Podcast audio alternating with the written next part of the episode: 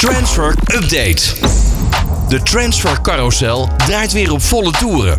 Op zowel de Nederlandse als de Europese velden. Transferrecords worden verbroken. En spelers worden verleid door megasalarissen in Saoedi-Arabië. Maar ook grote verrassingen liggen op de loer. Blijf met All Sports Radio op de hoogte.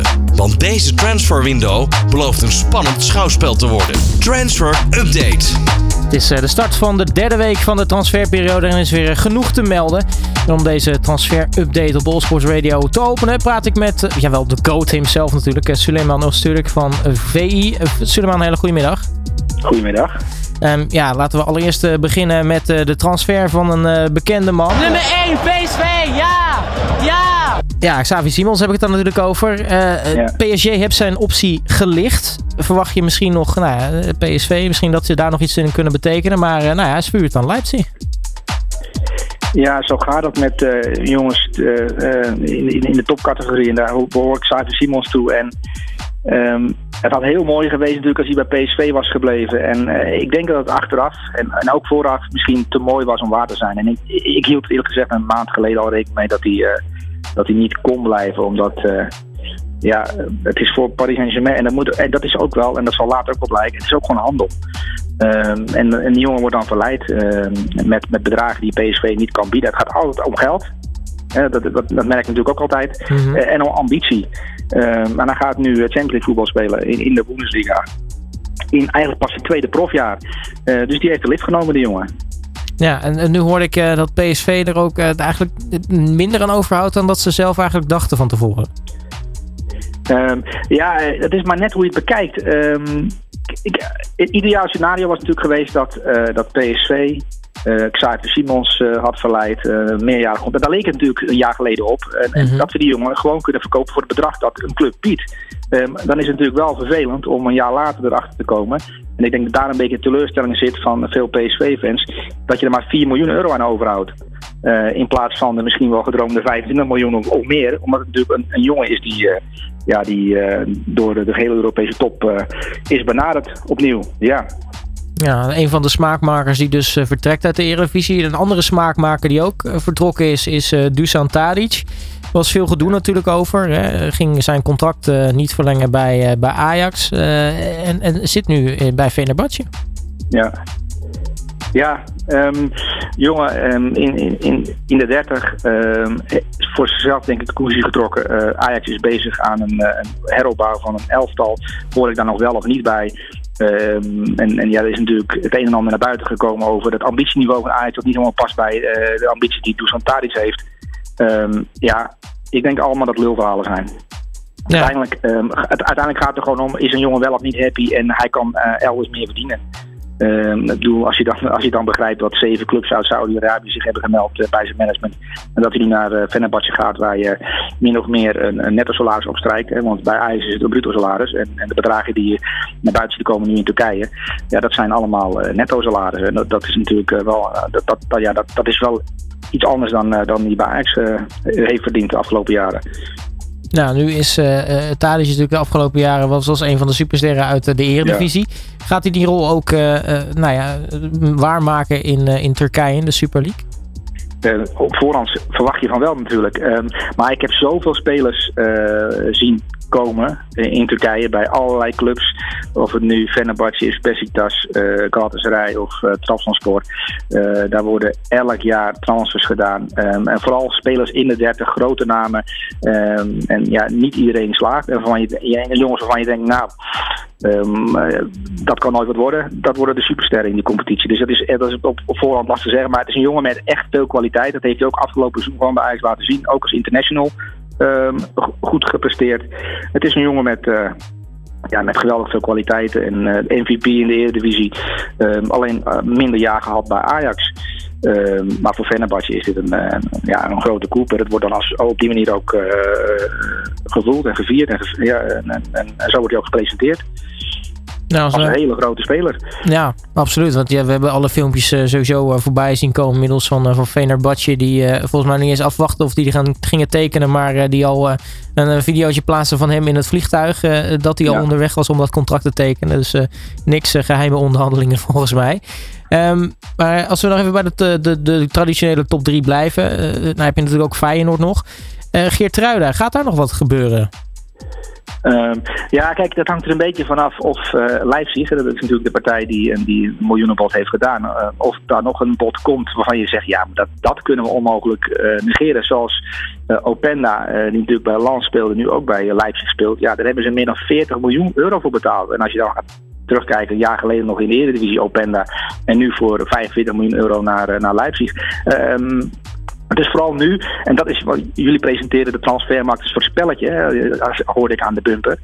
Um, en hoe noem je dat tegenwoordig? Um, uh, de intro. Het, die transfermarkt is ook een soort spel geworden van wie rent het laatst, zeg maar, voor de beslissende bocht en, en de finishlijn die eraan komt. Dat heb je nu ook met Mbappé. Uh, Real Madrid is stil. Want die denken, ja, los maar op die problemen daar bij Paris Saint-Germain. Dan komen wij misschien in augustus wel met een bod. En hetzelfde geldt ook bij Feyenoord. Rustig aan, laat maar komen. Ik bedoel, uh, je weet niet... Uh, hoeveel euro je ervoor kan vangen. En dat hele spel dat wordt nu gespeeld, ook via de media, waarin heel veel uitlekt. Want het is wel opvallend dat elk transfernieuwtje um, um, uitlekt. Er is niks, niks meer geheim. Het is, het is een spel geworden waarin um, er van alles wordt gelekt om, om, om salarissen op te drijven, om prijzen op te drijven.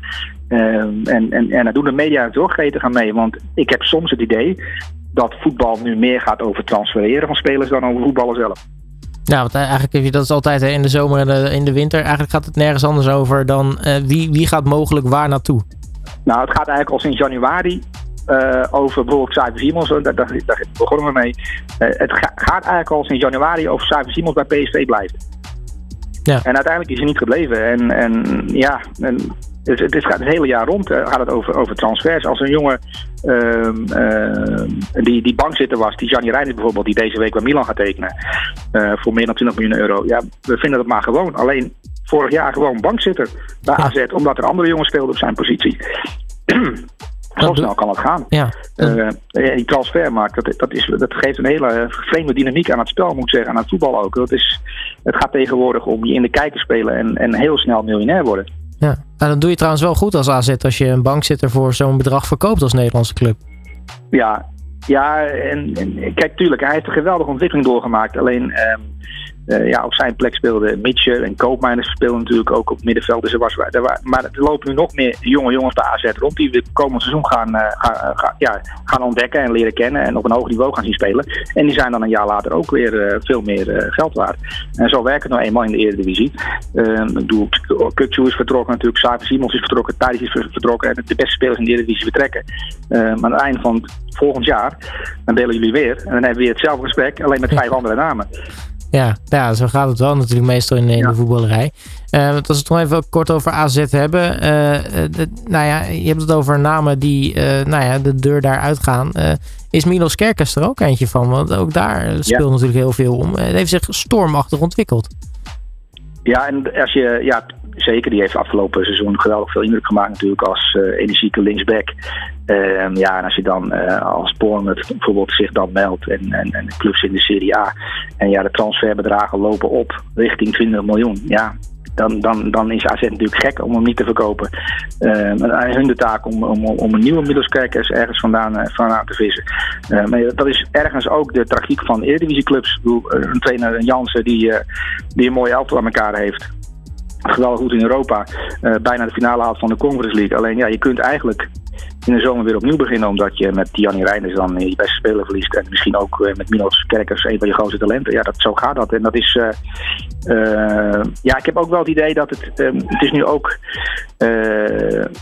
je hebt natuurlijk Saudi-Arabië erbij. En, en dat, is, dat, geeft een hele rare dimensie aan het hele transferspel. Omdat mm. uh, nu Premier League clubs hun overwogen spelers heel snel kunnen lozen. Dus die transfer is ook veel eerder op gang gekomen, voor mijn gevoel. Ja. Normaal gesproken, dat is pas in augustus dat je echt uh, dat de domino-steentjes beginnen te vallen. En nu, uh, ja, de topclubs in, in de Premier League hebben al hun spelers al kunnen lozen in, in Saudi-Arabië. Er is veel geld vrijgekomen. En zo is alles eerder op gang gekomen. Ja, hoe kijk jij aan tegen die, tegen die partij? Want eigenlijk, als we dan toch misschien deze transferperiode al een beetje mogen typeren. Dan is het toch wel de, de zomer van de misschien net iets te oude spelers die naar, naar Saudi-Arabië vertrekken. Ja, ja, en ik denk dat het einde. Dat, dus er zijn nog een aantal weken. En als je dan ook begrijpt dat Fabinho en uh, Riyad Mahrez, Riyad Mahrez van Manchester City, die gewoon voor 50 miljoen euro dan die kant op gaat. Uh, en, en, en Henderson natuurlijk, de aanvoerder van Liverpool. Dus er worden her en der spelers weggeplukt. Maar als je heel kritisch gaat kijken naar die spelers, dan zijn het allemaal spelers. Als je Klop of de man afvraagt, uh, Henderson en Fabinho zijn niet aan vervanging doen, zegt hij ja. Dus het is ook wel prettig om spelers waar je eigenlijk geen geld meer voor kan krijgen, dat je die nu richting Saudi-Arabië kunt verkopen. En daarom staat dan een soort van eh, Premier League 2, maar dan met een Arabisch, Arabisch tintje. Het is alleen, ik denk dat het voor de, de kijker en de voetballiefhebber best wel een gekke dimensie is. Dat er een competitie is in Saudi-Arabië. Waar geen limieten zijn, waar geen, eigenlijk geen regels zijn. Want er zijn natuurlijk in Europa min of meer regels. Hè, met clubs en budgetten en uh, financial fair play. Alleen ja, dat doen ze in Saudi-Arabië nog niet aan. Um, maar ik vind het wel vreemd om te lezen dat N'Golo Kante 100 miljoen euro per jaar verdient.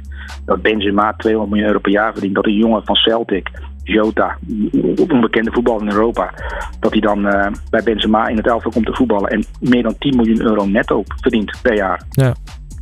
Ja, dat, ja, dat zijn dat bizarre bedragen. Als je daarover gaat nadenken, dan, dan, dan word je langzaam gek. Want hoe kan dat?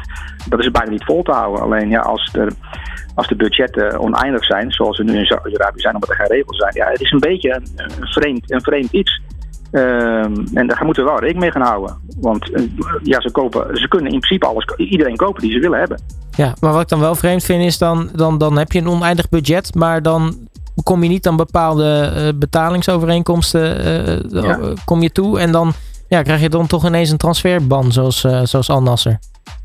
Ja, en dat is ook het probleem. We hebben het net over Tadic gehad en Fenerbahce. Uh, en in dat soort landen is het ook zo dat uh, ja, de clubs niet altijd de salarissen overmaken, niet op tijd overmaken en dat die ook betalingsproblemen hebben. Ja, en, en, en dat is inderdaad de andere kant van, uh, van dat soort avonturen. Want er zijn heel veel jongens die ook in Saudi-Arabië gevoetbald, jongens van RKC en dat soort, die ook een mooie transfer maken en dan zes ton netto gaan verdienen in Saudi-Arabië. Alleen ze hebben geld nooit gezien.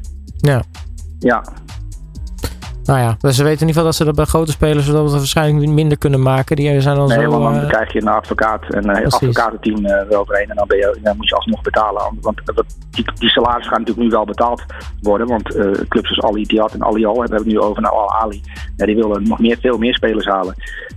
omdat ze daar natuurlijk in, in één jaar een soort van ja, een soort van Super League willen optuigen. En daar zijn ze toch wel aardig op weg mee. Want als je ziet wie er nu allemaal zijn gegaan en wie nog moeten komen.